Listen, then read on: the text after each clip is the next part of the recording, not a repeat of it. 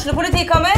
Ine Jansen er purk. Er du purk? The motherfucking bitch. Alt jeg vil, er å finne ut hva som skjedde med mannen min. Jon Carew. Er jeg sikta for noe? Iben Akeli. Det er du. Ole So, Lars Berrum og Big Daddy Karsten. Hvem sin side er du på, egentlig? Anette Hoff, Tone Danielsen, Kommer du fra Afrika?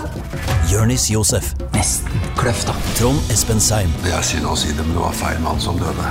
Purk. Premiere tirsdag på TV2 Play.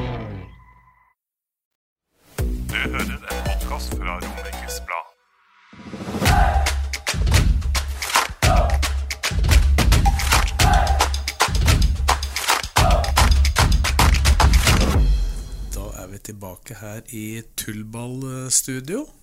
Og skal snakke litt en eh, times tid. Martin Holterhuset, Per Morten Sødal og meg sjøl, Morten Svesengen. Vi, vi sitter her og har hatt ei ukes pause. Men det har jo skjedd ganske mye siden vi satt her sist, eh, fotballmessig. Ja. og Så vidt jeg husker, så var det en, var en liten kamp på lørdag.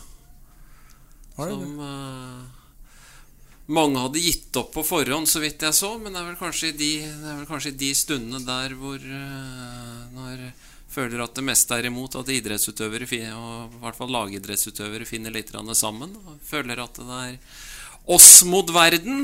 Og det tror jeg LSK-spillerne gjorde på Vålerenga kultur- og idrettspark, som det så kort og fint heter. Som stadion het først, og derfor Ja. så er jo vi konsekvente og kaller den jo fortsatt det, selvfølgelig. Dere to har jo vært begge to og sett Strømmen. Du har faktisk sett dem vinne, Martin, eh, i cupen mot Bodø-Glimt. Da vant de. Eh, Ja. Kanskje vært bedre at de hadde vunnet mot Sandefjord.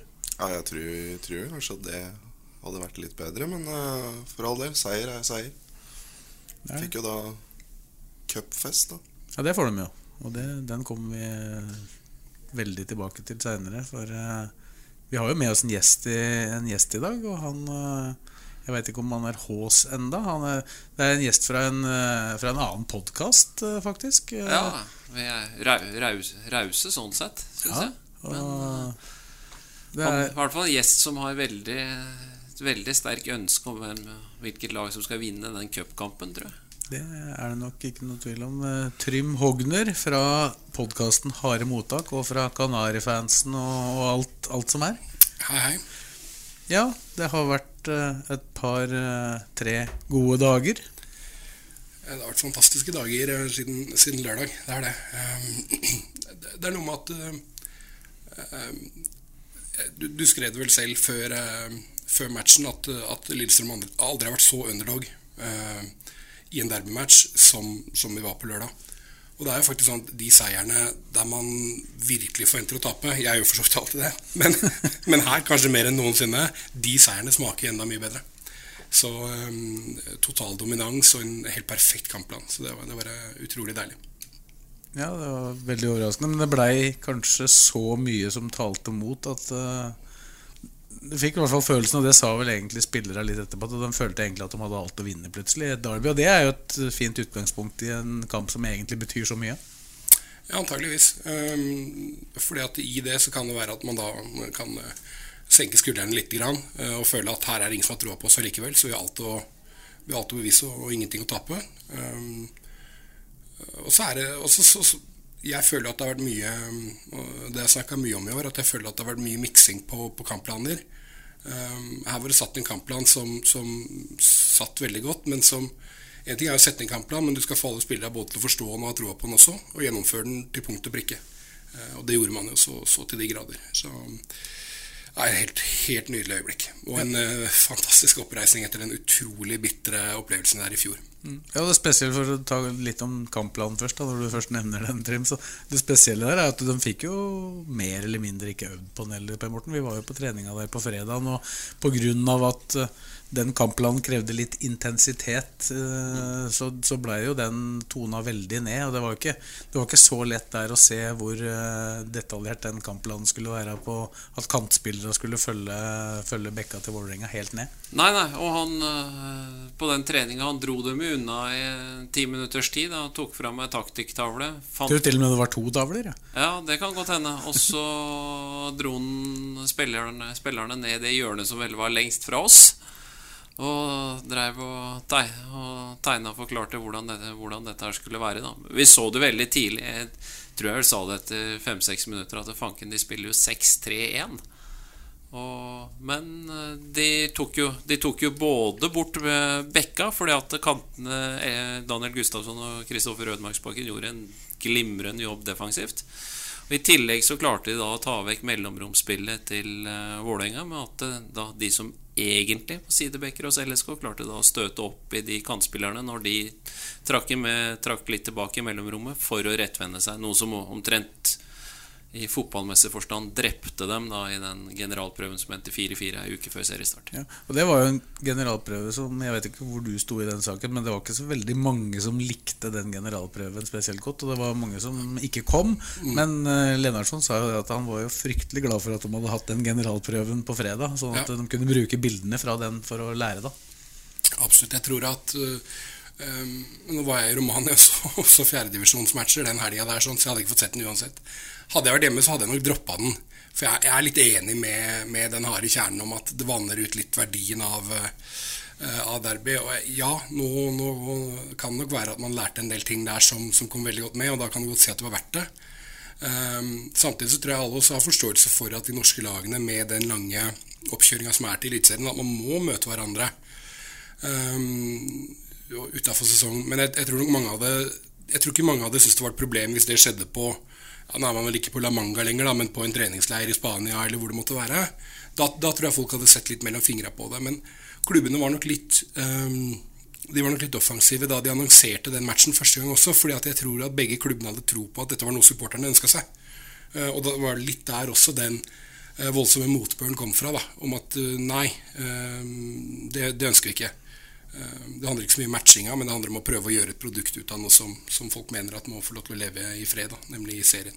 Jeg tror vel at den uh, promoteringa av den kampen ble litt kuppa av Vålerenga. Jeg, jeg, tror ikke egentlig at LSK hadde tenkt å få legge det frem på den måten som det ble. For det plutselig bare kom det ut på vift.no. Ja, ja, det kan godt tenkes. Um, men for all del, hvis, hvis, hvis, det er riktig at det som, som, Jørgen mener at det ga dem mye verdi til matchen, her, sånn, så kan man godt si i, i, i retrospekt at da var det verdt det.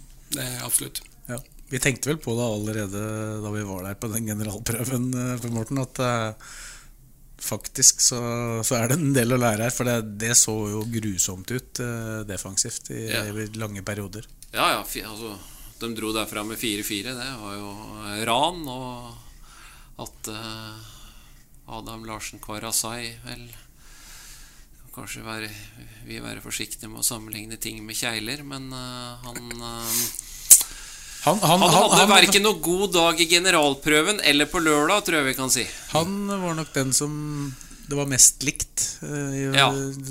sammenligne generalprøven. Og, og Prestasjonen hans var veldig lik i, i generalprøven og på lørdag. Klink. I hvert fall ikke bedre enn to på børsen. Nei. Samtidig, samtidig så syns jeg jo um, Selvfølgelig er det en keepertabbe på lørdag, men uh, det Gustafsson gjør um, altså det, jeg, jeg, tror ikke keeper forventer at en høyrekant skal gå inn der og skyte med venstrebeinet. Um, så jeg tror han blir tatt litt på senga. Han burde selvfølgelig fått inn noe mye bedre enn det, Larsen. Uh, er nok mye hardere den, eh, det skuddet enn det han trodde. For det ser nesten ja. ut som han har planer om å holde. Men, men han er ikke vant til så tobeinte spillere i, i Eliteserien. Og uh, nå, det var mange Lillestrøm-spillere som var fryktelig gode på lørdag. Eh, så, så, jeg skjønner at ikke Daniel Gustafsson er den som kommer i fokus, men, men, eh, men jeg syns han hadde en fantastisk match. Og det var utrolig gøy å se det dere nevnte innledningsvis her, nemlig at han klarte å være med å ta ut bekkene. At han var med helt ned og, bidro defensivt. For det har jo vært, uh, i tillegg til litt av det offensive, så har jo det vært mye av problemet hans så langt i Eliteserien. At han har ikke klart å være med og hjelpe til defensivt. Og det, det, er vi nok avhengig av. Så hvis han nå har funnet litt mer rollen sin, så Eh, så lover det veldig godt. For dette er en spiller man skal satse på. Mm. Mål, mål mot Rosenborg og assist eh, delvis da mot, mm. mot Vålerenga. Det er jo ja. ikke dårlig søknad om å bli litt bedre likt enn det han åpenbart har vært. Da. Absolutt. Og så må Fula, altså, folk i Fula-familien må ha litt mer tålmodighet med nye spillere. Det kan ikke være sånn at en spiller skal komme inn fra et annet land, og så funker ikke etter tre-fire matcher, og så begynner han å gi opp. Uh, litt tid tar det. Uh, Allsvenskan er ganske mye mer Altså Allsvenskan er mer annerledes enn Eliteserien enn en, en det folk ofte tror. eh, på, på, på måten vi spiller på. og Derfor så er det ikke helt uvanlig at en svensk spiller som har vært bra i Allsvenskan i flere år, kan slite litt med å tilpasse seg i Norge.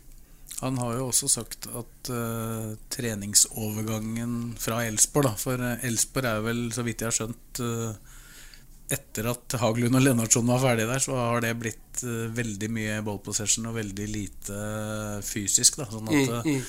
Overgangen fra treningsregimet i Elsborg til LSK det var veldig stort for han. Det, ja. det har han jo sagt. Nettopp. Men, men, for litt tilbake til en sånn uke da foran en Derby-kamp. Mm -hmm. Nå var det litt spesielt nå fordi at folk var så negative og trodde det skulle gå gærent. Hvordan er den for en supporter?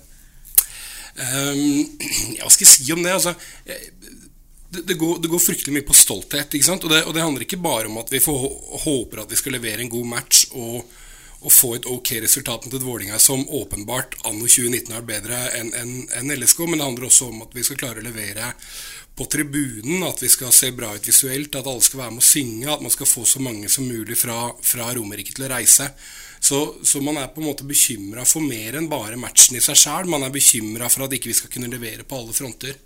Eh, og så veit vi jo det at man følte at forhåndssalget gikk litt dårlig. og Det, det, det er ikke noe, egentlig noe uvanlig på Romerike. For romerikinger er ikke sånn som nødvendigvis kjøper billetter eh, lang tid i forveien. Det viser seg det at det blei, eh, hvis du regner med sånne leddbusser og, og, som to, da, så var vel totalen på busser som reiste elleve busser. Og når du da i tillegg veit at veldig mye Lillestrøm-fans kommer til å komme seg dit på egen hånd, og, og en del bor i Oslo, så var det kanskje ikke grunn til så mye bekymring. Uh, samtidig så er det jo magisk i etterkant å lese intervjuet til uh, klanens talsmann som mente at den eneste måten dette her kunne bli noen dominanse fra Romerike på, var hvis det skulle bli 3-0 til LSK. Til pause, riktignok. Ja, ja. Men det var, det var, jo egentlig, det var egentlig da For jeg var jo helt enig med deg, Morten, at uh, tror jeg aldri kan Jeg har vært der i 20 år, jeg tror jeg aldri kan huske at Lillestrøm har vært så underdog mot Vålerenga noen gang. Men så, begynte, men så utpå kvelden på fredagen og på morgenen på lørdag så begynte jeg å lese en del av de greiene der. Og da fikk, jeg, da fikk jeg egentlig ganske vondt minne. da For jeg var gjennom noe av, holdt på å si, jeg var gjennom noe av det samme sjøl, bare med motsatt fortegn. da Hvis, altså I hvert fall sett med dine øyne som Lillestrøm-fan. At det var, var også Dortmund-Sjalke. Sjalke hadde, altså Dortmund nummer to spilte for gullet. Sjalke forferdelig sesong. Kunne i teorien eh, ramle inn i en kvalik. Alle trodde jo at Dortmund bare skulle pisse på Sjalke på I hvert, hvert, fall på hjemmebane. Det ble et mareritt av en kamp. Tok ledelsen òg, da. Ja, ja, og, da... ja, og så gikk eh, Kan vi si det her siden det er podkast, så gikk rett, alt rett og slett til helvete etterpå. og mm, litt av den der følelsen, litt av den der følelsen Jeg husker ikke om jeg sa dette her i bilen, at eh, fanken, nå er jeg ikke så, nå er jeg ikke så sikker på om uh, det her blir sånn som vi har trodd. Jeg fikk jo den følelsen altså, Det blir så mye som går én vei, da. At uh, til, til slutt så, så, tenker du at dette her Sånn får det ikke blitt. Vi, vi har jo noen, eh, noen, som holder med dette blålaget på huset her, og folk vi kjenner òg. Og dem, dem, er jo alltid sånn at eh, hvis det blir prat om et eller annet Så Vi gikk jo fleipa her i, uka før at hvem er det som skal skrive den saken om at, å få en eller annen i Vålerenga til å snakke om gull eller medaljer og sånn? For, for, da går det jo som regel gærent, som den sier. da så, ja, de, de, hadde jo snakka mye om harmonien og hvordan ting hadde falt på plass i forkant av den matchen. her sånn, Så Vålinga har vel hatt en tendens til å, å, Når ting ser ut som det går veien, at da får de en liten justering. Eh, og det er selvfølgelig deilig. Og så er det jo det er en sånn påstand som I fotball så er det mange sånne um, uskrevne sannheter. ikke sant? F.eks. at derbymatcher lever sitt eget liv. Og så får man jo veldig ofte bekrefta at det stemmer. Um, I fjor så følte jeg likevel at uh, Vålinga Vi sto så dårlig til Vålinga. De hadde så god kontroll på oss i de to matchene, følte jeg i fjor, at jeg hadde veldig lite grunn til optimisme i, um, i årets match. da. Uh, men, men, igjen, uh, det, det, er nok noe med at disse matchene faktisk lever et, et helt eget liv. Altså. Og så er det um, supportere har en tendens til å prate veldig mye om noe som irriterer vett av trenere og folk som jobber i fotball, nemlig dette med innstilling og gi alt og disse tingene er sånn. For da trenere mener at det, det er egentlig en selvfølge, og det, det, er liksom veldig sjelden at det egentlig er årsaken til at noe ikke funker. Allikevel så er det veldig gøy å se da i etterkant av en sånn match som dette her, hvor mye innstilling faktisk kan ha å si. For Vålerenga ga opp i andre omgang. Eh, og, og det handler om innstilling. Det er, det er ikke noe tvil om. Ja, og vi snakka vel om det allerede etter ett minutt eh, drøyt. 1.32 tror jeg noterte Thomas, Thomas Lene Olsen. Feide ned Ja, både mann og ball. Ball først, da. Sånn det ble jo ikke frispark. Det, det er jo sånne signaltaklinger, da, for å kalle det som, som kan eh, prege resten av kampen, eller det som følger. Og det så vi faktisk på Åråsen i fjor òg. Abu hadde en førsteomgang på, på Åråsen i fjor som er en av de beste omgangene jeg har sett en, en spiller ha på Åråsen. Uh, også i andre omgang så kommer Smarason inn en skikkelig trøkker og får et uh, gult kort som vel kanskje nesten var oransje. Og etter det så, så er han mye mer forsiktig og mindre komfortabel. Der kan du si at det, altså, LSK var heldige i starten også. At Svein Oddvar Moen eh, han la, altså, Mange sier at han la linja høyt, han la linja feil. Eh, I hvert fall på kort. Ja, ja at, at Tobias Salkevist eh, slipper, eh, slipper unna gult, er eh, Sett med dommerøyne horribelt. Det, Eh, det morsomme var jo at han sjøl etterpå Ja, han han, fortalte, han fortalte jo Han ble tatt vekk. Altså Han mente ikke at han skulle hatt rødt, men han ble tatt vekk av dommeren. Og da var han helt sikker på at nå får jeg, nå får jeg rødt. Men han fikk tilsnakk. Ja. Og så kommer taklinga til Daniel Pedersen, som er gul, men den blir gjort på en sånn måte at den fort kan bli rød. Og da leker Og da, le, da, leker, da leker de litt med ilden. Den til Smarason er jo, altså, er jo beinhard, den. Og er vel på Dønnum, den. Og han fikk jo kjørt seg for øvrig, Eidsvollingen. Det ble, ble jo ikke frispark engang på den. Nei, sånn, og det, den, er, den, er jo, den er jo også Den er jo også klokkeklar gul. Så de, de, lyk, altså de, de lyktes med det fordi at de fikk satt seg i respekt med en gang. De fikk gitt ut noen signaler. Så kan du si at de kanskje kunne levd fint med det altså hvis de hadde hatt tre spillere på gule kort istedenfor bare én også. Men uh, Ja, Det hadde jo ikke prega kampen, for frisparka de tok jo stort sett Svein Olvar Moen. Så det var jo ikke, det var ikke sånn at frisparklinja var feil, bortsett fra sånn. kanskje det som Nei, men du, altså, du må jo forholde deg til Du må jo forholde deg til Som spiller må du forholde deg til at du får et gult kort tidlig i en kamp. Og det må jo, det må jo gjøre noe med eh, spillet ditt resten av kampen.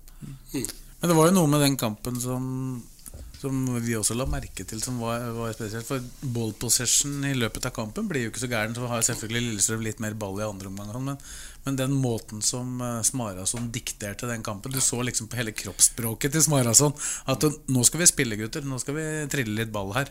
Og det, hvor viktig det er i en sånn kamp, da, hvor du egentlig har en såpass defensiv inngang, egentlig. Han har så mye å si. Eh, Nesten det beste eksempelet for meg er i andre omgang der, hvor Nei, det, kanskje det er i første del nå. Vi, har, vi er i ferd med å bygge opp et angrep. Smarason har ball veldig høyt oppe i banen. Men han ser at han har ikke de alternativene. Vi ligger ikke sånn som vi skal gjøre.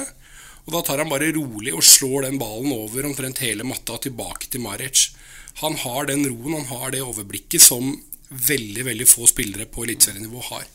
Um, så, så verdien av han er nesten eh, det, er lenge siden jeg kan huske at vi har hatt en så verdifull eh, eh, spiller for, eh, for, for klubben, egentlig. Altså, fordi at han gjør andre bedre òg. Det er ikke bare at er han er god sjøl. Mm. Ja, og fordi at han dikterer, han dikterer på en måte hele spillet. Uh, man kan godt argumentere at Daniel Pedersen kanskje er en enda bedre fotballspiller enn Smarason uh, per nå, men, uh, men den måten Smarason som leser alt sammen og, og skaper en trygghet for, for hele laget, det er eh, svært viktig. Altså, Det, at det er litt tilbake til uh, en litt undervurdert periode i LSKs uh, nære fortid. Da. Eh, Johan Andersson. Fra Mm. midtsommer 2013 til midtsommer 2015. Ja. Da var han en av Eliteseriens aller beste spillere. Og han Ja. dikterte jo kamper. Absolutt. Han var jo, han, men han, ja, og han var jo både et anker og en playmaker samtidig. Um, hadde Johan Andersson holdt seg skadefri lenger, så tror jeg han hadde hatt et enormt navn i LSK, fordi han var så, han var så utrolig god i et LSK-lag som egentlig ikke var så veldig bra. Um, en boks-til-boks-spiller da som jeg, jeg synes han var fantastisk. Du sammenligner Smarason og Daniel Pedersen, kanskje si det på en annen måte. At det, Daniel Pedersen nok gjør my, altså mye mer usynlig. Da. Altså, Daniel Pedersen gjør, jobb, eller gjør jobben uten ball som Smarason gjør med ball. Mm. Han, altså han, han, han, balanserer, han balanserer laget, og det gjorde han jo, det gjorde han jo tidvis glimrende på uh, Kultur- og idrettsparken. Men eh, så, noe som kanskje altså, For å være litt sånn djevelens advokat, da. Nå har jo LSK igjen sett at de kan få til noe med et lavt press. Um, sånn for dems del så ville jeg vel eh, Jeg ville ikke slått meg til ro med at et lavt press var det riktig å bruke hver eneste kamp. De er nødt de er nødt til å vise i noen kamper nå at de faktisk også kan, eh, kan prestere når de presser høyt. Du så jo også Vålerengas høye press. Det var møkk dårlig. Det var, jo, det var jo møkk dårlig, og det var jo en av grunnene til at LSK faktisk kunne ha så mye ball som det de hadde, selv om det tidvis da lå veldig, veldig lavt. Og det høye presset ville nok eh, komme i takt med at uh, Åråsen-gresset nå, nå er, kan vi vel egentlig avblåse den gressmarerittet som har vært eh, denne våren på Åråsen. Jeg, jeg er ikke så sikker på at det Alle snakker om at det har vært en fordel for Lillestrøm. Det er ikke jeg så sikker på etter å ha sett dem i vinter. For de har ikke det, Første gangen jeg så Lillestrøm praktisere det de har gjort i vinter, var i Halden. Og da spilte de på ei god gressbane. Mm. Ja. Øh, jeg, tror, jeg, tror, egentlig det er en, Når matta er så dårlig som den har vært, så tror jeg egentlig ikke det er noen fordel for noen. det jeg, jeg, jeg er hele den der, um, debatten som har vært i år, og for så vidt egentlig flere år, med kunst, kunstgress mot en dårlig gressmatte, uh, den er jo utrolig interessant fordi Lillestrøm trener jo stort sett uh, store deler av året på kunstgress. Og når man da kommer tidlig i sesongen, når man da kommer rett på en elendig gressmatte, så er det klart at forskjellene er jo like store for LSK som man vil være for, for de andre lagene. Ja, og, det, og det har blitt kriger. da, det er liksom De motstandere som har kommet til Åråsen, har på en måte skjønt hva de har reist til, og mm. hva de skal gjøre, og har gått i krigen og tatt den. Ja, og Vi har ikke det Vi har ikke det enorme dødballaget lenger med masse kjemper. Jeg tror at øh, Vi gjorde noe utregning på dette her i harde mottak, uh, bare sånn litt for, for moro skyld, hvor vi regna snitthøyden på førsteelveren til LSK opp mot et par av motstanderne våre i år. Og i flere av matchene så er det um, sånn at snitthøyden på LSK-spillerne er lavere enn motstanderne. Det er ikke, jeg snakker ikke om at det er 10 cm i snitt lavere, men, men er, vi er mindre faktisk enn en del av de, de vi møter. Så vi er ikke det der tøffe dødballaget lenger, som, som kanskje kunne ha utnytta en sånn type matte bedre. Må vi vel mange år tilbake igjen for å det har jo vært en, my det er en myte som lever, da. LSK, da. Du skåra på to dødballer nå sist, da, så det er vel i gang igjen, da. Ja, kanskje det er det. La oss håpe det. La, la, gjerne det være en del av spillet. Men Til og med Bob Bradley husker jeg det var det mest spesielle. Aldri sett, aldri møtt Lillestrøm, men han prata om dødballen til ja. Lillestrøm. Da veit du at han har blitt fortalt det. Ja. Uh, altså, jeg, tror, jeg, tror, det var noen matcher der hvor vi hadde Myklebust på 1,70 og, og Mifsud på 1,64 sammen på topp, og det var snakk om at spissa våre var kjempefarlige på huet. Nå var jo for så vidt Mifsud ganske grei på huet, da, selv om han var eliteseriens laveste, men, men, men, det er sånn som bare har uh, ligget som en, som en, del av brandet, men ikke egentlig en del av spillestilen. Uh, men bare kjapt tilbake til det med, med, med press, om det er høyt eller lavt press. så føler jeg at problemet i år har ikke egentlig vært om man har satt det høyt eller lavt. Det har vært at Uansett hvordan vi prøvde å gjøre det, så har det ikke vært kompakt.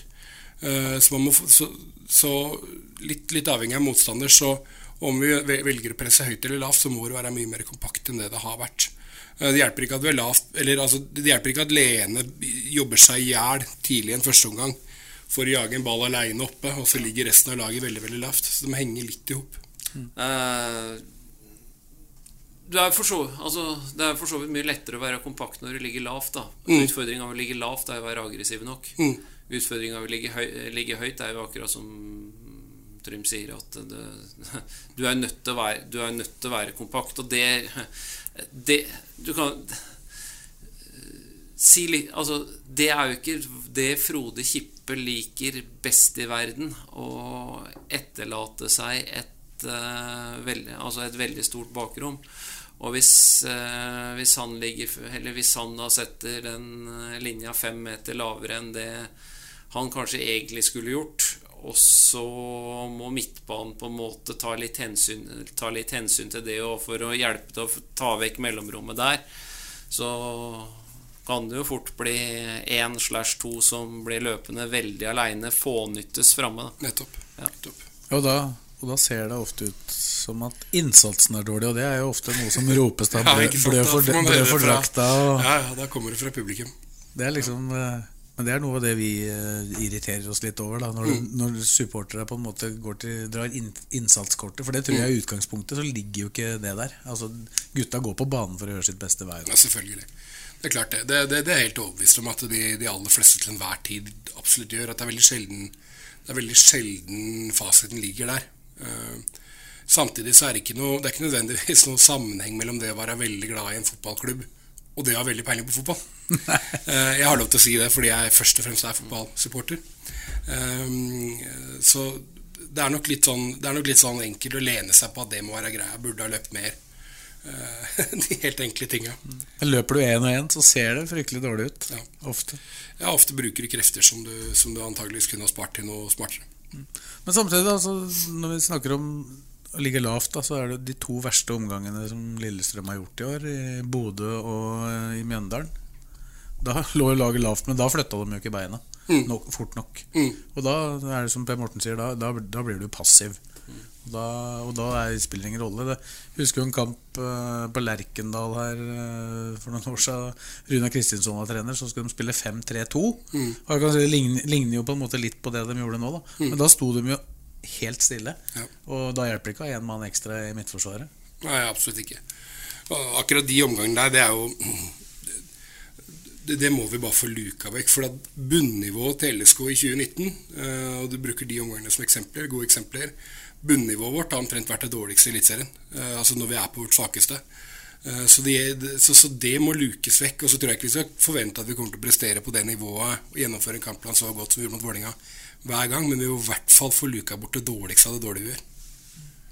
Men så kan vi ikke prate om dette Derby og vi har en supporter her uten å snakke om det som skjedde etter at kampen var, var blåst av. Ja, ja.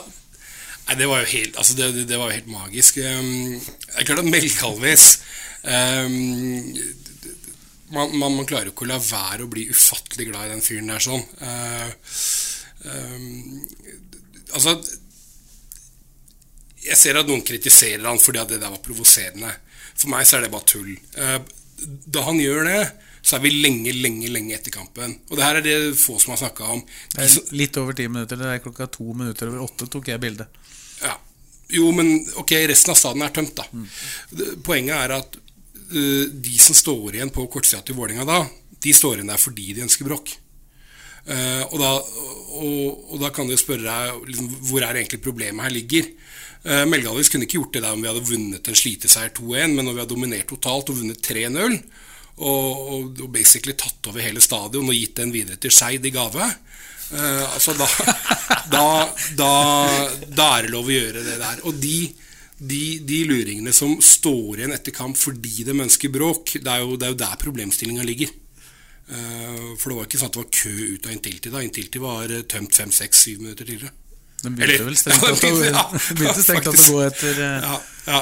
Så la oss si det er en uh, halvtime i hvert fall etter at uh, stadion begynte å tømme seg. da. Uh, og det, det er helt unødvendig. Det er tullete. Man skal ha det skal være mulig å, å ha med familien sin på kamp, og, sånt, og det er absolutt i Norge. Men da må vi få luka vekk de få bråkmakere som er igjen, for det er bare tull. Hvis dette hadde skjedd på Åråsen motsatt, da? Jeg, jeg, altså, jeg er jo en sindig fyr. Jeg sitter jo Så jeg kan ikke snakke på vegne av de mest hardbarka, men, men jeg tror nok kanskje at reaksjonene hadde vært eh, litt like. Forskjellen ville vært at på Åråsen kunne man jo helt sikkert planta det flagget ganske godt i matta, for der er det ikke kunstgress. Så hadde vel fått stå òg, men, eh, men, men antageligvis ikke veldig lenge, nei. Husker vel eh, Hva het Dennis Antvi? Mm. Startspiss. Ja, feira foran Feira foran eh, Foran Kanarifansen. Det var det en som hoppa over gjerdet, gitt. Ja. Nei, men altså, øh, Med mindre det er fordi man har rykka opp eller øh, et eller annet helt enormt har skjedd, så skal ikke supporterne skal ikke ut på banen. Øh, Så, så enkelt er egentlig det. Det var deilig, eh, ordentlig digresjon, da. Du har prata om rumensk eh, fjerdedivisjon. Mm. Prata om tysk Zweite-Bunde- eller, ja. eller Zweite-Bundesliga eller Erste Bundesliga. Playoff. Mm. Union Berlin. Ordentlig kultklubb. Ja. Uh, slår, uh, slår da ut uh, Eller rykker da opp, men Stuttgart er en av de store, tradisjonsrike tyske klubba med altså både store budsjetter og voldsomt Altså 50, 50, 50 000 i snitt på stadion. Eh, går ned. Og tusenvis av folk eh, stormer den banen. En tysk kompis som også eh, var med på det, ska, skaffa seg straffemerke. Sendte bilder på meg. Stolt som en, stolt som en hane. Det er, fant, altså det, er, det er fantastisk å se på. Så er det helt for jævlig hvis du står på den andre sida av det. Selvfølgelig. Absolutt. Ja, du hadde vel en uh, LSK-kamerat Ja, altså Morten, der? Morten Gallosen fra, fra Pyro og Pivo og Kanarifansen var eh, Han fikk, fikk en billett i helga og reiste av gårde etter jobb eh, altså mandag i går. da Og rakk matchen. Og Han er da Union-fan. Og, og var vel med å storme matta etter kamp. Jeg tror det var ganske fantastisk. eh, Han har hatt noen flotte fotballdager, da for å si sånn, med, med derby først, og så det der.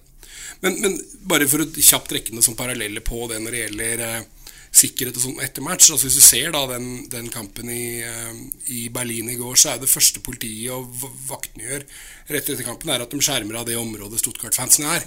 For de veit at det er der eventuelt kan bli noe aggresjon. Og, og på, på Intility på lørdag så, så skjedde jo ikke det på noe vis. Det var ikke noe, alle skjønte jo at ikke Um, altså Alle i, i Fugla-familien var jo bare i lykkerus og eufori, så der ville det jo ikke bli noe bråk. Det var jo helt åpenbart. Så antageligvis så burde nok kanskje politi og sikkerhetsvakter som var der, hatt litt fokus på den gjengen som sto igjen uh, hos Vålerenga. Og da hadde det vært uh, unngått. Bare før vi avslutter den seansen der, så kan jeg få lov til å hylle Alexander Melgalvis for, eh, for den typen han er. Jeg syns han er helt fantastisk, både som journalist og ikke minst som fotballmann. Altså noe så unorsk. By på seg sjøl. Tør å stikke seg litt ut. Altså Jeg husker etter cupfinalen i 2017. Ja. Står jeg i mix-zone etter kampen, og, og Melgalvis blir intervjua av lokalavisa si. Det er vel Ringsaker Blad, en av dem i hvert fall. Mm, Hamar Dagblad, Ringsaker Blad, Ja. jeg tror jeg. Eh, hvorpå jeg står, står ved siden av, så hører jeg liksom etter hvert eh, liksom, Det er litt sånn løs snakk, og så sier han bare Får han vel spørsmål om ja, åssen tror du festen blir, Melgalvis? Galvis? Ja, den blir vel bra, den. Du veit, de er jo litt typete, jeg, vet du. og så husker vi alle hva som skjedde etterpå, så, så han forutså vel kanskje litt av hva som kom til å skje utover natta der. Det er et av de mest surrealistiske Eller en av de mest surrealistiske opplevelsene jeg har hatt i livet, tror jeg. Jeg, var jo, jeg svikta dere jo på den cupfinalen. Jeg var jo da dommerobservatør i et håndball-VM i Tyskland. Ja. Og jeg fikk, jo, jeg fikk jo med meg kampen, selvfølgelig. Men jeg fikk ikke med meg at det var full pokal fra Melgalvis på festen etterpå. Det så fikk jeg til frokosten dagen etterpå. Da bladde jeg opp i Bilt.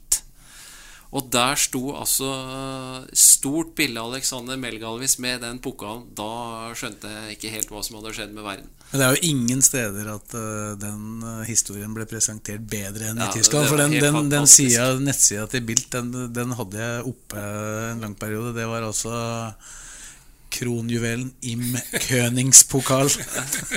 Ja, he- helt, helt, helt magisk øyeblikk.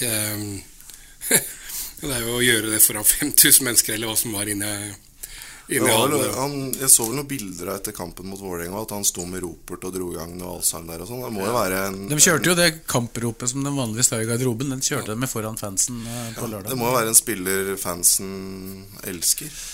Absolutt. Og han er en spiller som når hele troppen er uh, tilgjengelig, ikke nødvendigvis klarer å karre til seg en plass i startelveren. Men allikevel så føles det som at han også for Jørgen har fått, fått en slags sånn jokerrolle. Han starta vel i Jørgens første match så starta han vel som eh, sentral midtbane. Og også i år nå så har han kommet innpå et par ganger, har to målgivende vel allerede i Eliteserien så langt i år. Um, så det føles som han har en verdifull rolle i laget, og blant supporterne er han selvfølgelig i ferd med å få en, en legendestatus på nivå med typer som Peter Wernie. Ikke sant? Altså han, ehm, han gir så mye av seg sjøl, og det, det er fryktelig viktig i en, i en, ehm, i en hverdag hvor, hvor det ofte er sånn at spillere kommer og er i sportsklubben i ett til to år og skal videre, eh, så håper man at han kan være med lenge. Fordi, fordi han er den typen han er. Litt typete, som han sjøl sier. Og så skal til, han, til hans forsvar for uh, litt variable sportslige prestasjoner også, må jeg også si at han, han har spilt han har, Ja. han har, han har spilt skada. Han har spilt ordentlig skada lenge. I hele fjor. Ja, det var jo mange som mente at han antageligvis ikke kom til å være en del av vårsesongen vår i det hele tatt. Han har stort sett løpt rundt banen. For han ble jo til slutt tatt ut uh, pga. den skaden, sånn at han fikk uh, ordna dette. For han spilte jo store deler av forrige sesong. De kampene han hadde, da var, det jo, var han jo halvskada og nærmest løp på halta. Men, men det, som, det som er med Alexander Melgalvi, som gjør at han får tillit Han hadde jo da tillit eh, faktisk av tre trenere i fjor, selv om han var halvskada, hvis vi regner Sundgods lille korte periode der. Eh, så, så hadde han jo tilliten, og det, det handler jo om eh, fotballhuet hans. Han er en klok fotballspiller, ikke verdens beste fotballspiller, men han har én egenskap uh, som er uh, viktig, og det er jo at han ofte spiller den ballen til gul. Og det, det er jo i mange sammenhenger, selv om han ikke gjør det ekstraordinære, veldig viktig, da. Absolutt. Og så, og så er det klart at uh, han har vært aktuell for det latviske landslaget, og det ville jo vært uh, Det ville jo bygd opp under den der kultspillerstatusen. Jeg spurte en gang i tida snakker ut kløyva ord uh, latvisk. Nei, ingenting. Så hvis det faktisk blir noe, så hadde jo det vært helt herlig med en, med, med en fyr fra, ja, fra Hedmark, eller hvor han er, som, som spiller for, for landslaget. Da kan, du, da kan du lære en et labd igjen. Det er god dag. Ja, riktig. riktig. Ja. Han får begynne der. Og Så sies det vel også at han har vel drakt nummer 33 pga. adressen til en sportspub i Oslo. Så, så han er jo en Jeg tror, jeg tror det også stemmer. ja. Det er faktisk nabolagspuben min, så enda en grunn til å være glad i Melgaard. Så nå har han blitt far, da, så et godt forbilde. Du snakka jo med ham i, i går, Per Morten. Ja, ja. Det, men der, der, også, der også, ikke sant du, du, du ringer han jo fordi at du veit at du kan få noe som blir morsomt, som, altså som, som folk vil lese. Og gir, av- seg sjøl. Ikke, ikke, ikke sjølhøytidelig. Eh, går, ikke, går, ikke, går ikke over noen grenser. Har, jeg føler at han har en veldig sånn god Han kaller det sosial intelligens, eller i hvert fall veld, altså veldig god feeling på hvor den grensa går. Da. Og at han, han, han legger seg nærme en gang, en gang iblant, men han går ikke over. Så er det Vi kunne jo snakket, vi kunne sagt mye av det Nå er ikke han en sånn like sprø type, men Simen Raffen også, som har en veldig sånn heltestatus hos supporterne. Jeg, jeg tror det er fryktelig viktig for de spillerne når vi veit at det innimellom kommer til å blåse en del mot. Fordi at uh, Håkenstad fikk jo mye pepper nylig fordi han kanskje er litt i andre enden. Altså Håkenstad er også en utrolig lidenskapelig fyr og ønsker å lykkes, men han har nok kanskje ikke hatt den samme evnen til um, å fri til supporterne, da. Uh, og da får du mye fortere publikum mot deg. Alle veit at på Åråsen så er det dessverre sånn at hvert år så er det én til to som får publikum mot seg. Veldig ofte så er det litt urettferdig, men det handler litt om å prøve å være blant de som gir av seg sjæl, sånn at du kanskje får en større aksept for at du innimellom feiler òg. Urettferdig, men sånn er det. Ja, Sånn har det alltid vært i den tida jeg jobba Ja. her. Jeg husker jo Bjarne Sognes eh, tidlig, eller midt på 90-tallet, var, var jo en sånn som fikk eh, veldig mye. Mm. Selv om han på en måte var klubbspiller og alltid har vært der, og fortsatt er her. Sitter jo i styret fortsatt. Ja, ja nei, det, sånn er det, som sagt. Og det, igjen, det er ikke nødvendigvis rettferdig. Det er, bare, det er nok bare sånn det er. Og sånn, ja, du husker vel eh, Eller jeg vet ikke om du husker det, da, men Raffen gikk og delte ut, eh, delte ut eh, øl i Lins, og det lever vel litt på det nå? Det er klart han gjør det. Han, han var fryktelig skuffa og lei seg over at så mange hadde tatt turen. Og, og han og de fleste andre, vel nesten bortsett fra Amundsen, hadde hatt en forferdelig match i Lins. Og da, og da gå rundt og vise at du faktisk bryr deg, det, det tror jeg betyr eh, Det tror jeg Altså det er genuint, da, det, og det, det tror jeg folk respekterer. Eh, Det var nok mange som skjønte at vi ikke kom til å slå ut et lag fra, fra mm, toppen av Østerrike, men uh, måten det skjedde på, var jo på mange måter litt uakseptabel. Det burde ikke vært så ille. Uh, Lask hadde vært oppe i, i bare et års tid eller noe sånt. Altså, man burde ha klart å få et bedre resultat, men når det da først skjer, så er det helt riktig at det han gjør da, det, det skaper en status rundt han. Da. Han gikk jo rundt på puben og delte ut øl til Jeg vet ikke hvor stor den regninga ble. Ja, men Nei, heldigvis er ølet litt billigere i, Tysk nei, i Østerrike enn det er i Norge, men, eh, men jeg tror det var snakk om en 50-60-70 halvlitere. Så, ja. Men Lars i- har jo gjort det ganske bra etterpå, faktisk. Og jeg skal vel inn i Champions League-kvalik nå? Ja, det ble to, to østerrikske serien etter eh, Ja, suverent suveren toer. ja, vi kaller det Red Bull, da. Mm. RB, til og med. Men og, så kan jeg si at i retrospekt så var det det laget Både når vi så det, var var det jo mye bedre enn det vi trodde. Men også nå Han som, trener, han som trente dem, skal trene Wolfsburg i Bundesliga og de- neste år. Spilte jevnt med Besjiktas um, Ja. Nærme å slå ut Ja da, de var det. Det var på overtid, faktisk, at de Ja, røk på hjemmebane. Hadde vel egentlig slått dem ut, og så kom det et mål på slutten der. ja. Og de hadde jo mange gode spillere. Jeg husker han her, Goinger, blant annet. ja. Var jo meget, me- meget, meget god spiller. Og deres svar på Frode Kippe, Pogatets. Ja. Mm. Med en eh, fortid annet i England. hvis Ja, Middlesbrough vel, Ja, litt forskjellig. Og stadig, stadig turban på huet fordi han har skada seg og er en sånn fighter. fighter. Men fikk jo lite ut av å være tilbake i Europa, da. Har du- Men du fikk smaken på Europa, regner jeg med, Trym? Absolutt, jeg er veldig glad i Europa League, da, for jeg føler Champions League har blitt for, det har blitt for kommersielt. I Europa League så har du kanskje ikke hele veien til finalen, det har man jo sett i år, men du har med flere lag fra flere nasjoner, og det syns jeg er gøy. Jeg har en fascinasjon for fotball som ikke nødvendigvis er eh, Premier League, La Liga og, og Bundesliga. Jeg, jeg, liker, jeg liker lag fra Øst-Europa, så um, Selvfølgelig det er jo en drøm å se Fugla en eller annen gang i et gruppespill, men eh, spørsmålet er om det ja, ja, Spørsmålet er om det kan skje når vi får det nye formatet. Da, for det blir jo et, et nivå to av det som er Europaligaen nå. Og da skal det forhåpentligvis kanskje være enklere for norske lag etter hvert kvalifisere. Så får jeg gruppespill med Altså får jeg gruppe med Staua, med, med, med, med Partisan, Partisan Beograd, og, Beograd og Dinamo Zagreb. Da hadde du Det hadde vært nydelig. da hadde du Det hadde vært nydelig. Da hadde jeg antakeligvis dratt på kampene Lillestrøm ikke spilte òg. Og dratt og sett eh, Jeg har vært og sett Partisan i Europaligaen, og det, det er en opplevelse, det. altså. Det er det. Hvor, hvor er det den fascinasjonen for eh, de landene og den fotballen kommer fra? Godt spørsmål. Jeg har, reist, jeg har reist mye i Europa, så det er vel litt sånn hvor man fant ut at man trivdes best. Ehm, det, det går mye på selvfølgelig at det, det, det er tribunekultur. eh, Det er en del av det. Men så syns jeg også at stemninga i byer som Beograd, Bucuresti er jeg, jeg, jeg trives veldig godt, da. Uh, og var og så Jeg hadde noen forretningsgreier i, i Beograd tidligere, og da litt sånn tilfeldig at jeg fikk sett Partisan et par ganger, både i fotball og basketball, og, og forelska meg veldig i det laget. Um, hvorfor veit jeg ikke. Jeg hadde en far som bodde i Milano i mange år, og var sånn sett også så AC Milan flere ganger, men fikk ikke den samme forelskelsen som jeg gjorde til, til et lag som Partisan. Mm. Hvordan er det å være i Romania og se fotball? Romania føler jeg er altså det, det er det mest undervurderte landet i Europa når det gjelder både mat, natur og hvor hyggelige folk er. Så det er, det er et land jeg alltid snakker opp veldig. Eh, fotballen er eh, veldig bra. Det er, altså, rumenske eliteserie mener jeg er bedre enn den norske. Eh, men i tillegg så har du Hvis du er sånn breddefotball- eller groundhopper-entusiast, da, så er det jo et nydelig land å reise rundt i. Vi var som sagt en liten gjeng fra en liten Kanarigjeng som var over nå rett før sesongstart, og, og dro rundt omkring i, i Transilvania, da, som er en del av Romania, på ja, nivå fire og nivå fem-kamper. Oppe i, eh, oppe i fjellene der, sånn, og det er små landsbyer som spilte mot hverandre i, i cup og fikk sprit av eh, klubb, klubbpresidenten etter kampen. Og, nei, det er helt, eh, helt magisk.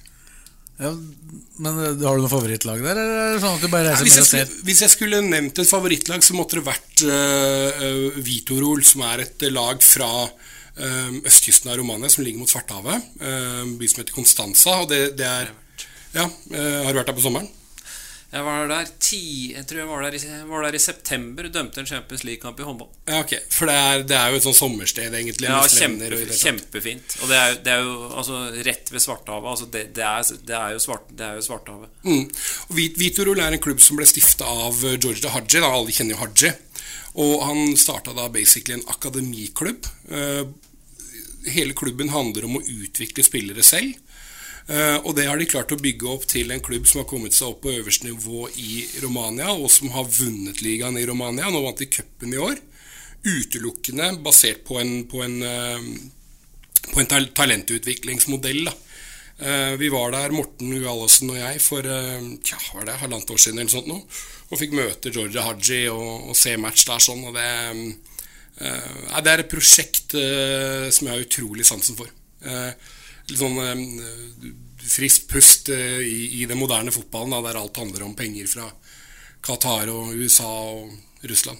mindre vare, altså Ajax bare i mindre skala. Ja, egentlig. Eh, og Romania, hvis du ser på Romania altså, På 90-tallet og for så vidt tidligere så har Romania hatt fantastisk mye gode årganger.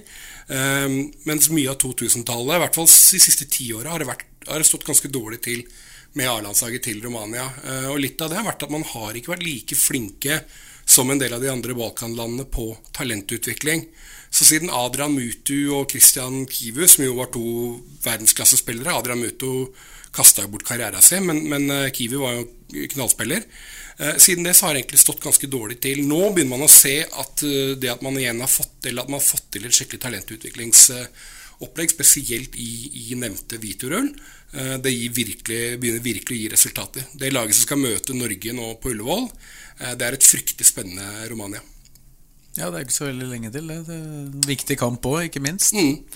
Eh, Jeg tror i den Altså, jeg, tror det er åtte av spillerne i, det, i den A-landslagstroppen som er tatt ut mot Norge, som også kan representere Romania i U21-EM, som er seinere i år. eh, I slutten av juni, begynnelsen av juli, så er det U21-EM i San Marino, faktisk, og Italia. Eh, Og som sagt, åtte av spillerne på A-laget til Romania er unge nok til å være med der. Så det er en Stemninga i Romania nå er at man gleder seg faktisk mer til det U21-EM-et enn man egentlig gjør til, til A-lagskvaliken. Skal alle være med der, eller er det sånn at de blir prioritert på A-laget og ikke får spille der? Jeg tror alle sammen skal være med, men jeg veit at uh, det er jo en del av spillerne her som er um, Som ryktes bl.a. til Ajax, og det, det påstås, i hvert fall i Romania, så påstås at Ajax er veldig ivrig på at de spillerne de eventuelt kjøper, um, at de ikke skal delta i det mesterskapet. da Så om det kan være med å legge noen føringer, eller vet jeg ikke, det vet jeg ikke. Men hvordan, hvordan følger du med på den fotballen? Hvordan holder du deg oppdatert? Nei, altså Som sagt, nå har jeg reist litt en del ganger, da, men jeg har også noen venner som jobber der nede. Eller som er derfra, som jobber som sportsjournalister, så jeg prater mye med dem. Og så er det, så er det de tura over. Og så har jeg også ei samboer som opprinnelig er fra eh, Moldova-regionen i Romania. Hun kunne ikke brydd seg mindre om fotball, det, så hun er fryktelig tålmodig med meg. Så vanligvis når jeg reiser, så er det sånn at hun gidder ikke å være med, så da drar jeg til hennes hjemland, og så blir hun her i Norge. Eh, men, akkurat Logisk. På, ja, men akkurat på matchen mot uh, Romania på Ullevål, da har jeg fått med hun på, på fotballkamp for første gang, så da skal hun være med. Skal du holde med hvert deres lag, eller holde begge med Romania? Jeg tipper hun holder med Norge, og jeg med Romania. Nei da, det, det blir vel litt sånn jeg, ikke- jeg er ikke så opptatt av landslagsfotball, egentlig. Jeg er ikke det. Um, men, men akkurat den der blir morsom, den, altså. Ja, og det er en spennende gruppe da, med Sverige og Spania der. Det er det. Det er, det er en veldig spennende gruppe. Um, jeg, jeg tipper at, eller jeg vil tro at per nå så tror jeg kanskje Norge er uh, hakket bedre enn det Romania-laget. Ikke mye, men uh, Eller å si at de er bedre er kanskje feil. Romania er ranka som 25, tror jeg, på, på, på Fifa-rankinga nå, mens Norge er vel 50. Så, så det er, men jeg sier det på en annen måte. Jeg tror Norge har en ganske fair sjanse nå. Men hvis vi ser på det Romania, altså det landslaget om et par år fram i tid, så tror jeg det kommer til å være et fryktelig sterkt eh, landslag. Ellers så kan det komme en nyhet. da Lillestrøm eh, får en, sannsynligvis en ny landslagsspiller nå. Oi, spennende. Ja, Skal ikke spille for Norge. Mm. Noen som kan, den, den saken har jeg ikke skrevet ennå. Ja, Ja, jeg, jeg veit jo, så jeg skal holde kjeft, Ja. er han, i A-laget nå, eller? Ja. Spilte senest på lørdag. Jeg nesten trodde det var Bakka eller noe sånt. Nå, Men Ja, han var sheriff for Gambia, kanskje? Sheriff, Skal sheriff spille for Gambia? Sheriff er tatt ut på Gambias landslag. Artig. Ja, det har jeg faktisk ikke fått med i det hele Nei, det har ikke, har ikke vært eh, offentliggjort ennå. eller? Det blir, blir vel det seinere i dag, kanskje. Ja, det er jo Det er jo for så vidt offentliggjort nå, da, for de som hører dette. ja. Gambia har jo sånn eh, Det er en sånn det er en sånn relas- sportsrelasjon mellom Norge og Gambia. Altså Jon Carew er vel halvt uh, far hans her fra Gambia, ikke Det, det? det er en som spiller på det norske landslaget nå, som har sagt nei til Gambias landslag før, og det er Joshua King. Joshua King, ja. ja. Det ser du. Simon Mesvin har jo sportssjefen. Ja, han er ikke, han er Eritrea eller Etiopia. Eritrea, det. Eritrea. Eritrea. Altså Det som er greia med Gambia, er at de er stort sett 1,90 pluss høye. Uh, og det husker jeg han Pa Dembo Turai i Vålerenga også. På, på to meter. Han var også landslagskeeper for Gambia. Enorm type, vet du. Jeg snakka med Sheriff om det. Jo, det er jo et valg som må tas for spilleren eh, for dem. Nå er det bare privatkamper, men jeg tror det, i hvert fall forstår jeg det sånn på Mesfin at uh, hvis han da velger å spille A-kamp der, så diskvalifiserer han seg fra å spille for Norge seinere. Så det er vel ikke tatt en endelig avgjørelse på Men han skal i hvert fall møte på den samlinga som er i Marokko. Ja, spennende. Så det blir spennende. Men eh, det var jo et Det er ikke cuptrekning, da. Selv om jeg mener det burde vært det. i- Burde vært trekning kanskje på det nivået. Kanskje allerede i andre runde. Det kan vi jo diskutere etterpå. Men eh, det ble, ble strømmen, da. Mm, Oppsettet til. NFF. Ja. Hva tenker du om det? Du var kanskje der sist? Ja, eh, jeg tenker at det er litt kjedelig, egentlig. Um, og så tenker jeg jo at uh, det, det, det blir jo spennende. Det er ikke lenge siden Strømmen slo ut Fugla av cupen. 2015. ja, og Strømmen slår Bodø-Glimt, som vi jo ikke sto veldig godt til tidligere år. Så ja, det, det blir interessant, det. Mm. Ja. Hva tror du, Martin, som har sett Strømmen mest? Tror du de tar Lillestrøm igjen? Ja, det er jo det er jo en ganske åpen kamp, i hvert fall sånn ting er nå. Men eh, jeg tror jo Strømmen kanskje, selv om eh, treneren ga uttrykk for noe annet, så tror jeg de jubla mest for eh, de penga de ser ruller inn der oppe nå. Fikk jo, fikk jo på en måte tilbake litt av den skiten de har fått i de to første rundene. Først reise til Junkeren, eh, som kosta dem kroner, og så fikk de da Bodø-Glimt den andre, som ikke trekker folk, og som i utgangspunktet skulle bety exit, og dermed tapte penger for at de ikke kom til tredje runde. Så dette året her gikk de til tredje runde, da. Ryker ut i er det to år på rad i andre hjemme, runde. Hjemme mot, på hjemmebane mot andre divisjonslag. Så altså Erik for Stabæk det året de slo LSK. De fikk, de fikk Stabæk i fjerde runde, ja. Ja. Tok Så- ledelsen der ved Martin Ramsland, husker du? Ja. Så, har de ryke, så røyk de jo for, så røyk de vel for Bærum i fjor, Kjelsås året før der. Tror de jaggu meg røyk i, i, i andre runde i to Nei, i, det gjorde de ikke. For året før der igjen så røyk de på straffespark mot Kongsving. Vi har ikke rukket å se Strømmen noe særlig i år i det hele tatt, annet enn høydepunkter fra, fra Obos-ligaen. Men ligger tredje, er det tredje sist nå, per nå? Tre, ja, i realiteten nest sist, med tanke på at de har, de har, jo, fått, et- de har jo fått et poengtrekk som de har anka. Den Ja, anka nettopp. tror jeg ikke går gjennom. Nei. Så i realiteten så ligger de nest sist med tre poeng. Ja. Ufint av NFF å først sende dem til Bodø, og så gi dem de greiene, og så trekke dem poeng. Men det er vel ikke samme avdelingen som gjør det? Poengtrekkgreiene har jeg fryktelig lite troa på. ass. Det, det er helt håpløst. Um, tilbake til den gangen da, da, da LSK fikk poengtrekk også. Altså, det, det, er, det, er, så lite forståelse for økonomi som ligger bak henne. Altså, man ser på driftsbudsjettet og sier man, ok, nå gikk ikke det opp sånn som vi ønska for andre år på rad. Men hvis du ser på konsernet LSK alt man har av eiendom osv., så, videre, så selv i de tunge økonomiske årene så hadde man jo en relativt sett sunn økonomi. Eh, nå har jo ikke Strømmen selvfølgelig samme eiendom som LSK har, men jeg, jeg veit ikke om jeg har noe særlig sans for det poengtrekkgreiene. Altså. På den annen side, det var jo folk, eh, det var jo folk utafor Åråsen som skulle slå av strømmen der. Ja da. Ja. Men samtidig er det andre klubber hvor det som det nærmeste er økonomisk Vi kan ikke kalle det økonomisk doping, men den blir i hvert fall pumpa full av penger ikke Men kan jeg mener absolutt at du kan kalle det økonomisk doping. Jeg kan ikke skjønne at du skal, at du skal få lov til å være avhengig av en Trond Moen eller Kjell Inge Røkke eller andre, og at da skal det være greit. Men hvis ikke du har en sånn såkalt rik onkel, da, da skal du bli behandla veldig, veldig hardt. For at over tid så er det ikke noe, det ikke noe sunn modell sånn som det er med Trond Moen og, og Tromsø. Så, Lyn er vel et godt eksempel på det. ja, med Atle Brynstad, absolutt. Så jeg syns egentlig at hele den greia der sånn er jeg, jeg skjønner at det er noe behov for å prøve å ha noen styringsmekanismer når det gjelder økonomi, eller altså pengebruken i norsk fotball, men allikevel syns jeg det der greiene der sånn ofte slår ut veldig, veldig urettferdig.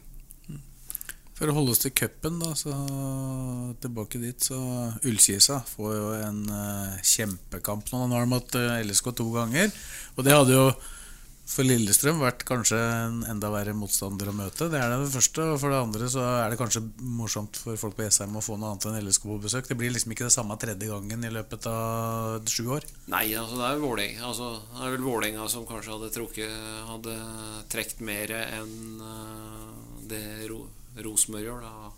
Selvfølgelig bortsett fra LSK. Allerede solgt 400 billetter første dagen. Det syns jeg var imponerende tidlig igangsatt billettsalg. Husk på Mye trøndere der, vet du. Ja, det er. Veldig mye innflyttere.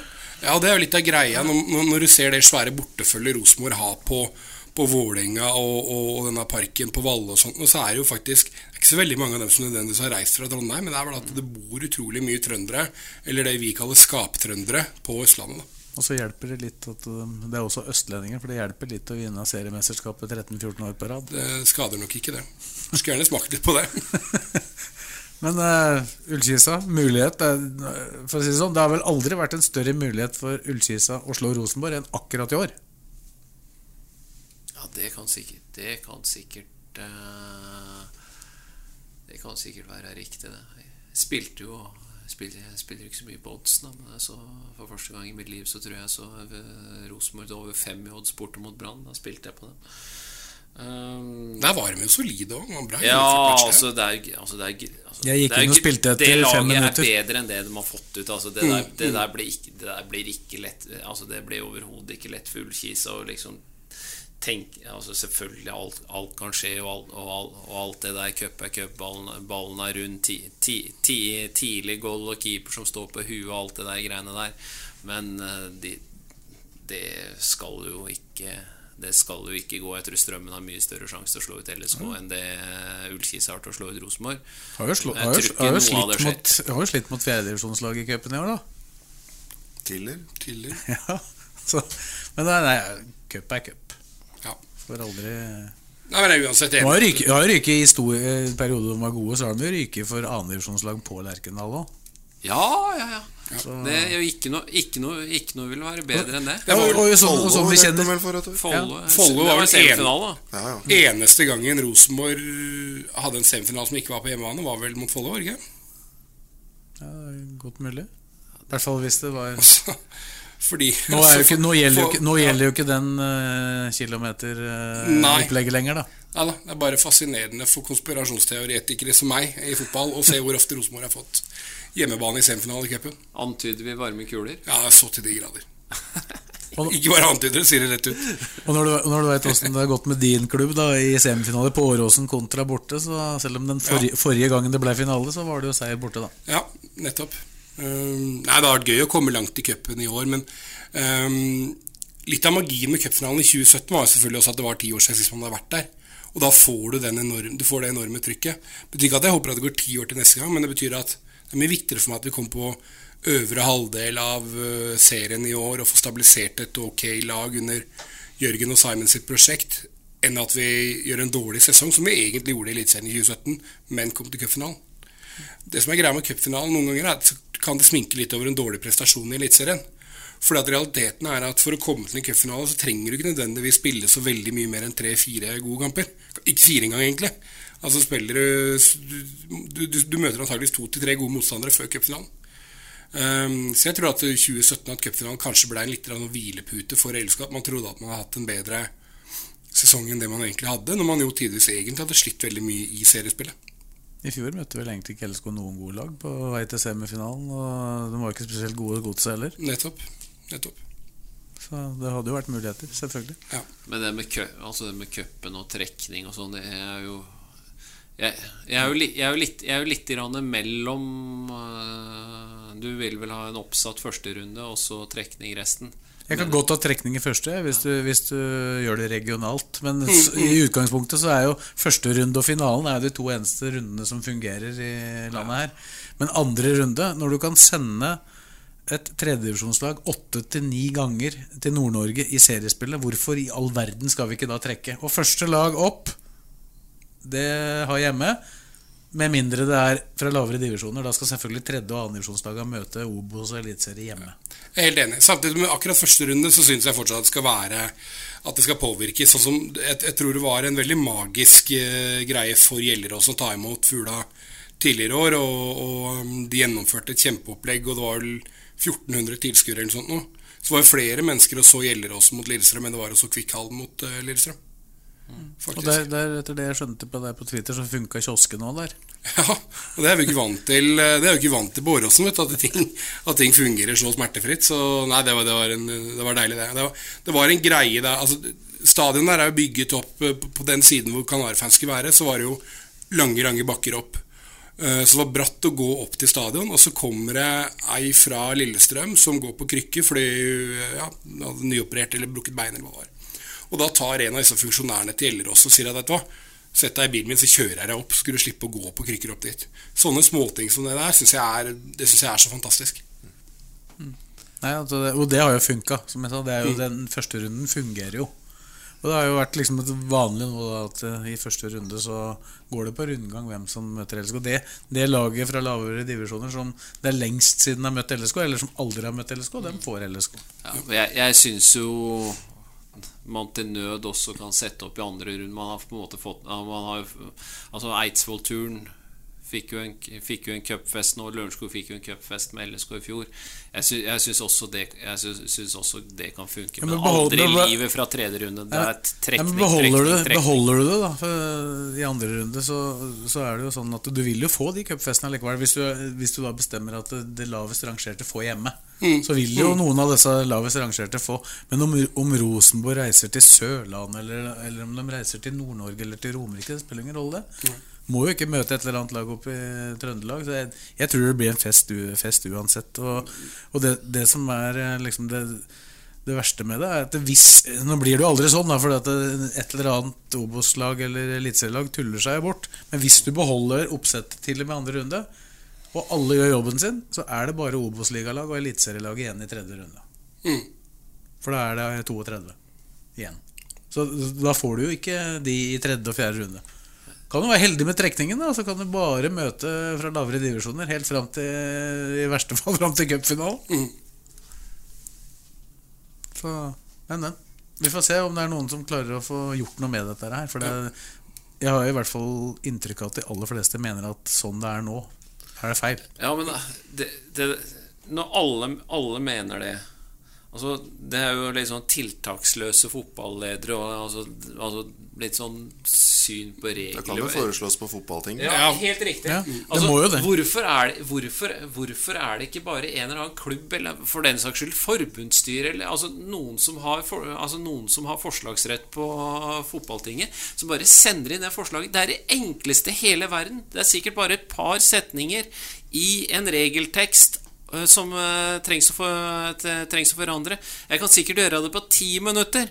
Men Hadde jeg vært Altså- medlem, medlem av en klubb, så skulle ja, jeg men altså, ba, altså bare Altså bare, altså bare, gjør, altså bare, gjør, bare gjør det, så blir det enstemmig vedtatt. Alle er happy, og så får vi en mer interessant cup. Men sånn er det jo med mange ting. Det er, mye, det er jo mye som egentlig det er en ganske bred enighet om at burde endres, men som klubba bare nærmest glemmer å tape på på fotballtinget. Eh, Så klubba må jo, må jo kjenne litt på temperaturen og ta tak sjøl òg, for dette er jo til syvende og sist dem som bestemmer. Ja. Jeg var på fotballtinget nå i ja, Når var det? Mars. I mars var det. Og eh, jeg kan jo sikkert uh, snakka mye og mangt om det som skjedde der, og de som var der. Eh, så var det vel eh, Det var et par eh, holdt på å si småkontroversielle eller forslag som som det var litt interessante, og det ender jo da med at dette er noen som mener er for dårlig utreda, så det blir utsatt til neste fotballting. Og sånn er det stort sett, at det kommer det forslag som fører til at det vil bli endringer i seriesystem eller opp- og nedrykk og alt dette her. Så er det en eller annen som sier at nei, vet du hva, her blir vår klubb skadelidende, og dette er for dårlig utreda, så det, vi utsetter det. Og hvis NFF er uenig, da, så vil de også jobbe for det ofte. Ja, og så kommer de med sitt forslag, og så er vi i gang. Da, ikke sant? Så det er jo ja, Jeg tror ikke det er så lett å nå fram for de små klubba som kanskje mange tror, da. Men cupen altså, altså Du endrer jo ikke Kunne i hvert fall fremma forslaget, så hadde vi sett hvor mange som faktisk var Ja. enige om at det burde endres. Det jeg Vi får, vi får i hvert fall være glad for at det har jo kommet endring, heldigvis. Da. Og endringen er jo at det, nå trekkes jo fjerde runde, og nå er det første lag opp som får hjemme, og ikke det derre usannsynlig idiotiske systemet med reisetid. Ja, Det sier seg jo sjøl at hvis du er fra Vestlandet eller fra Nord-Norge eller fra Trøndelag, så må du nødvendigvis få flere kilometer hvis du ikke skal møte det samme laget hver eneste gang. Det, det sier seg jo bare sjøl. Så det er relativt håpløst, men da har vi i hvert fall kommet med forslaget. Jeg har jo sett at Bjørnar Solli, som sitter i LSK-styret, er relativt er på. eh, klar på dette, så det er jo bare for Solli å lage det forslaget. Ja. Solli har sittet i LSK-styret i, fle- i flere år. Han. Hvorfor har han ikke gjort det? Nei, det på Svak. Bjørnar. På tide nå. Mer opptatt av Twitter. Det er bare, bare å skrive det du skriver på Twitter i et forslag, eh, omforme det litt grann i teksten, så er det i orden. Klipp og lime fra tidligere tweets.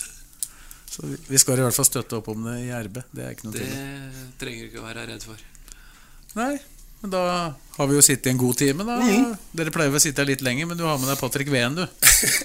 Jeg har med oss Patrick Veen og Jeg er vel kanskje ikke bestandig helt uskyldig sjøl heller, så Lars Råstad har litt å Han har litt å ta tak i der, han har det. Um, men vi kommer til å spille inn en uh, egen episode nå i uh, lys av, um, av det som skjedde på lørdag. Det må vi jo. Eh, vanligvis så kjører vi en episode før en eh, hjemmematch, men, men akkurat nå så må vi gjøre en liten spesial. Så vi skal faktisk i studio senere i dag og, og kjøre en liten uh, Vålerenga-spesial og litt, ta litt tempen på hva som har skjedd så langt i Eliteserien generelt. Da. Ja, vi får drive litt reklame for en annen podkast. For de som er die hard Lillestrøm, så er det, er det mye mye bra å få med seg der. Mye, mye nerdeting og mye kloke, kloke meninger. Ja, så prøver vi jo? Det er jo en del klubber som har egne podkaster selv. Utfordringa er jo selvfølgelig at da blir det jo litt sånn bestillingsverk. Man er veldig avhengig av å prate med spillere om at treningsuka har vært god og sånt. Og det, det, vi tror ikke alltid at eh, at eh, supporterne til LSK kjenner seg igjen i det. da, og jeg tror at den, Man er avhengig av å ha litt den galgenhumoren, litt den vinklinga som det er. for det ehm, Sånn er det å være en del av, av Fugla-familien. Det, det er ikke bare rosenrødt. Det er én ting vi må prate om. Marius Amundsen. Mm. Der var du ute og svarte han da han kom med et Mhm. innlegg. Var kanskje en av de store kritikere hans Ja. i løpet av høstsesongen også. Jeg var det. Um, ja, egentlig fra sommeren så var jeg veldig kritisk til, til Amundsen. Um, ikke nødvendigvis Altså, jeg, jeg forstår at Amundsen er en god fotballspiller, og jeg ønsker han absolutt alt godt. Han er en, han er en local lad fra Volda, hele familien hans er Fugla-fans. Dette betyr masse for han.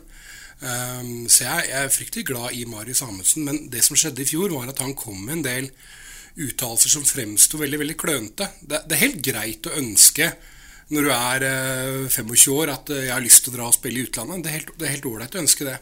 Men å gå ut veldig tidlig i en sesong og si at planen min etter denne sesongen her er å prøve å stikke fra klubben gratis, det er veldig veldig dumt. Eh, Det er unødvendig. Man kunne sagt at jeg håper at det en gang i fremtiden skjer noe spennende, eh, men fokuset mitt er her. Så, så den uttalelsen kom nok veldig feil ut.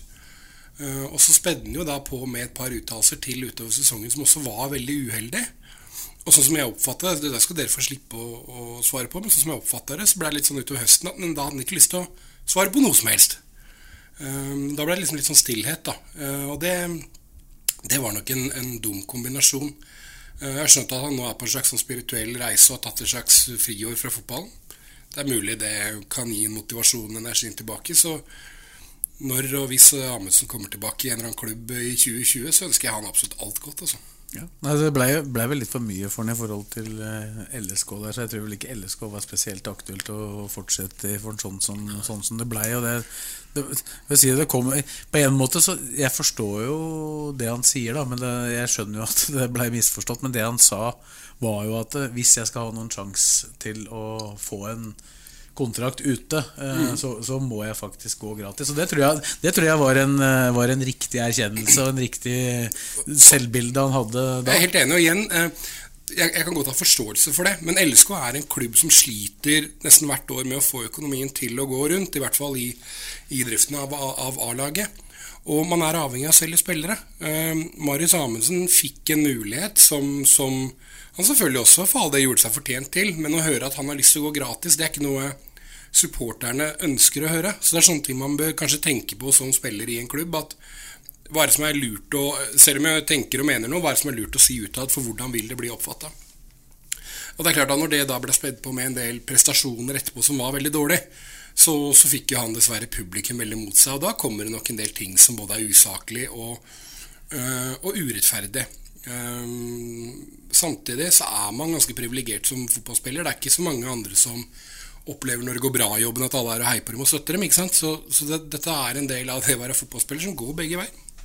Så ble han vel ikke spilt direkte god av måten Lillesund spilte på. Han var jo ofte den som skulle slå de lange ballene bak Ja, ja, og så videre, så han, og tok dødballer gjorde han til og med. Så. Men så kan jo Hans betydning Nei, Jeg syns jo fansen var altfor hard. Jeg synes fansen var alt for hard, men Og Eller alt, alt, alt for Harman. Jeg syns han var faktisk var mye bedre etter at Lennartson kom, enn det han var ja, før. ja, ja, det var han også. Men altså, hans Betyr- Samtidig så er kampen han har i Kristiansand er til dags dato den dårligste kampen jeg har sett en LSK-spiller ha noensinne.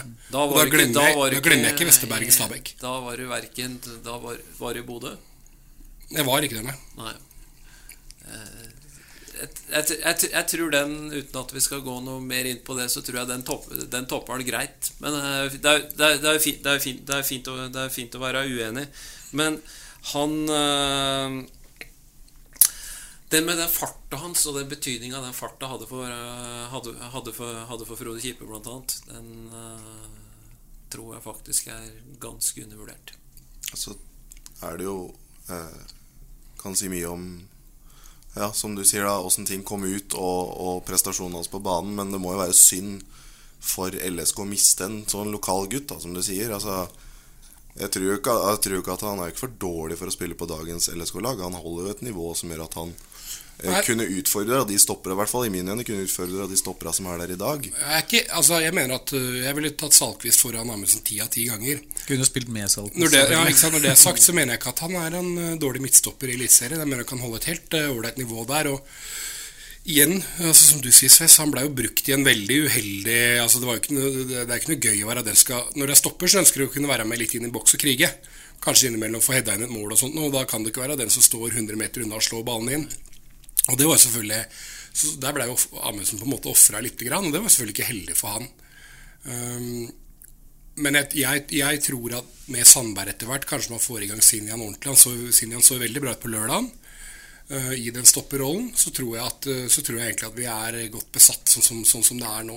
Um, og så er det noe med at Amundsen Jeg tror også at det, det, det ble hengende litt på samme knagg med, med Erling Knutson.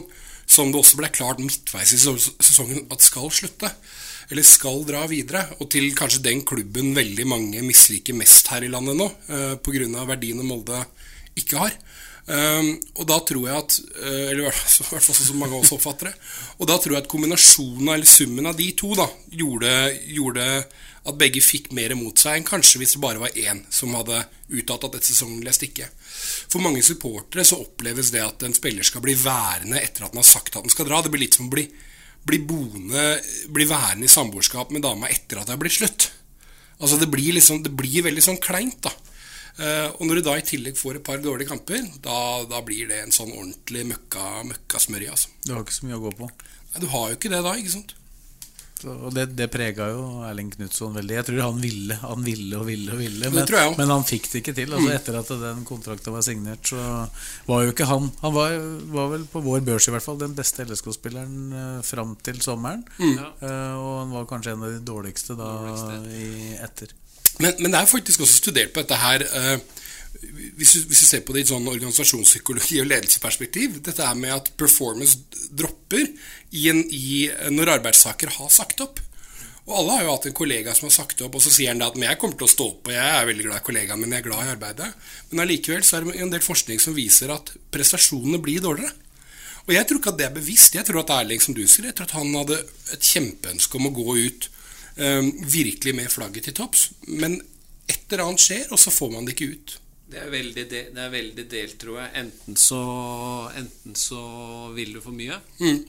Ja, det, det, og det kan jo være en del av det. Helt klart Erling eh, Som helt klart gjaldt Erling. Absolutt. Pluss at han var også litt halvskada her. og Ja, det ja, men altså, det. er, veld, det er, altså, det er veld, veldig mye faktorer som slår inn. Da. Ellers så eller, eller, så får du et litt mer avslappa forhold til noe du ikke føler den samme lojaliteten til, siden Mm. du skal ha en annen Mm. uh, det, det, det, det, det, der, det, der er, det der er vanskelig. Jeg har jo, jeg har jo sett, se- jeg har jo sett Mario Götze og Mats Hummels bli pipet pipe ut av 81 000 ja, etter det på en måte har vært mer eller mindre klart at det skal Mm. Spille for en av de forbudte klubbene året etterpå. Men kan man ikke bli enige, da? Altså spiller og altså, Alle blir enige, og så venter man med å offentliggjøre dette her? Det, lek, det lekker ut, vet du. Det, Den klubben det som- vet jo du, og det er, jobb, altså det, er jobb, er jobben vår å finne Jo, jo. ut. Og du, altså du veit vet jo hvor fort sånt lekker. I Molde vet jeg ikke om det lekker så mye, men Molde var jo veldig opptatt av å få det ut sjøl, selv, selvfølgelig. Mm. Ja, men altså, det jeg mener da, er jo at klubben egentlig da burde ta en, ta en telefon opp til Molde og si at vet du hva Vi skjønner at det ikke er noe særlig økonomisk oppside, og sånn som jeg har forstått det, så var vel Erling også eid litt, egentlig ikke bare av LSK. Så det var ikke noe særlig mulighet for å selge noe, tjene noe penger, men jeg ville da prøvd å bare offloade den kostnaden, og så heller brukt de penga på å lønne en annen spiller.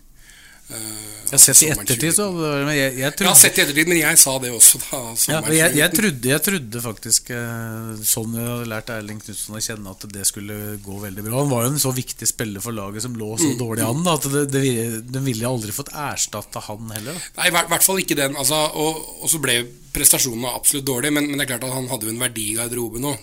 Og det, Erling er en utrolig fin fyr. Det, det, det skal ingen ta fra han. Så jeg tror nok at kanskje det også var en, en eh, med, med i eh, vurderinga til Simon og, og Jørgen. At én ting er hva han kan bidra med på banen, noe som ikke blei så bra som vi håpa på, men, men hans verdi i garderoben og, og for klubben for øvrig. Jeg så han la ut noen applaustegn på, på Twitter på lørdag. Ja. Det hadde, hadde nok noe med det som skjedde i Oslo å gjøre. Som eks-Lyn og eks-Elskog-gutt så syns nok han at det var ålreit. Det kom vel eh, Det var i hvert fall Ruben Gabrielsen så jeg også Ja. Gjorde det. Men hvis jeg får deg til å ta en kjapp digresjon på slutten her med X-spillere Var noen av dere så Bjørn Helge Riise mot, uh, mot Lørenskog i går? eller? Jeg så det på streamen vår. Ja. Vi skal, Det- vi skal ta, ta opp et program seinere, så skal vi vise, vise der. ja, ok. For jeg skjønte at det var tungt. Det var nok det bare unggutter rundt seg da. Ja, skal sies. ja, Men han, han har flytta til Lillestrøm, fortalte ja. reporteren vår, så han bor her nå. Ja. Men han jobber da for Stabæk. ja, Forhåpentligvis kanskje kan komme tilbake og jobbe i Elskog i fremtida. Ja, og så har han vel noen lovende sønner som skal flytte hit da, til høsten. Så De har jo vært her før, så det kan jo hende at det kan bli noen framtidige spillere. For jeg regner ikke med at de skal spille i Stabæk, da. I hvert fall mentalitetsgenen i orden. Ja. Ikke noe problem. Nei, men Det var vel en eh, fin avslutning, det, Trym. Takk for at jeg fikk komme. Takk for at du kom. Takk til Per Morten og Martin. Og så er vi plutselig tilbake her fra Tullball-podkasten. Du hører en podkast fra Romerikes Blad.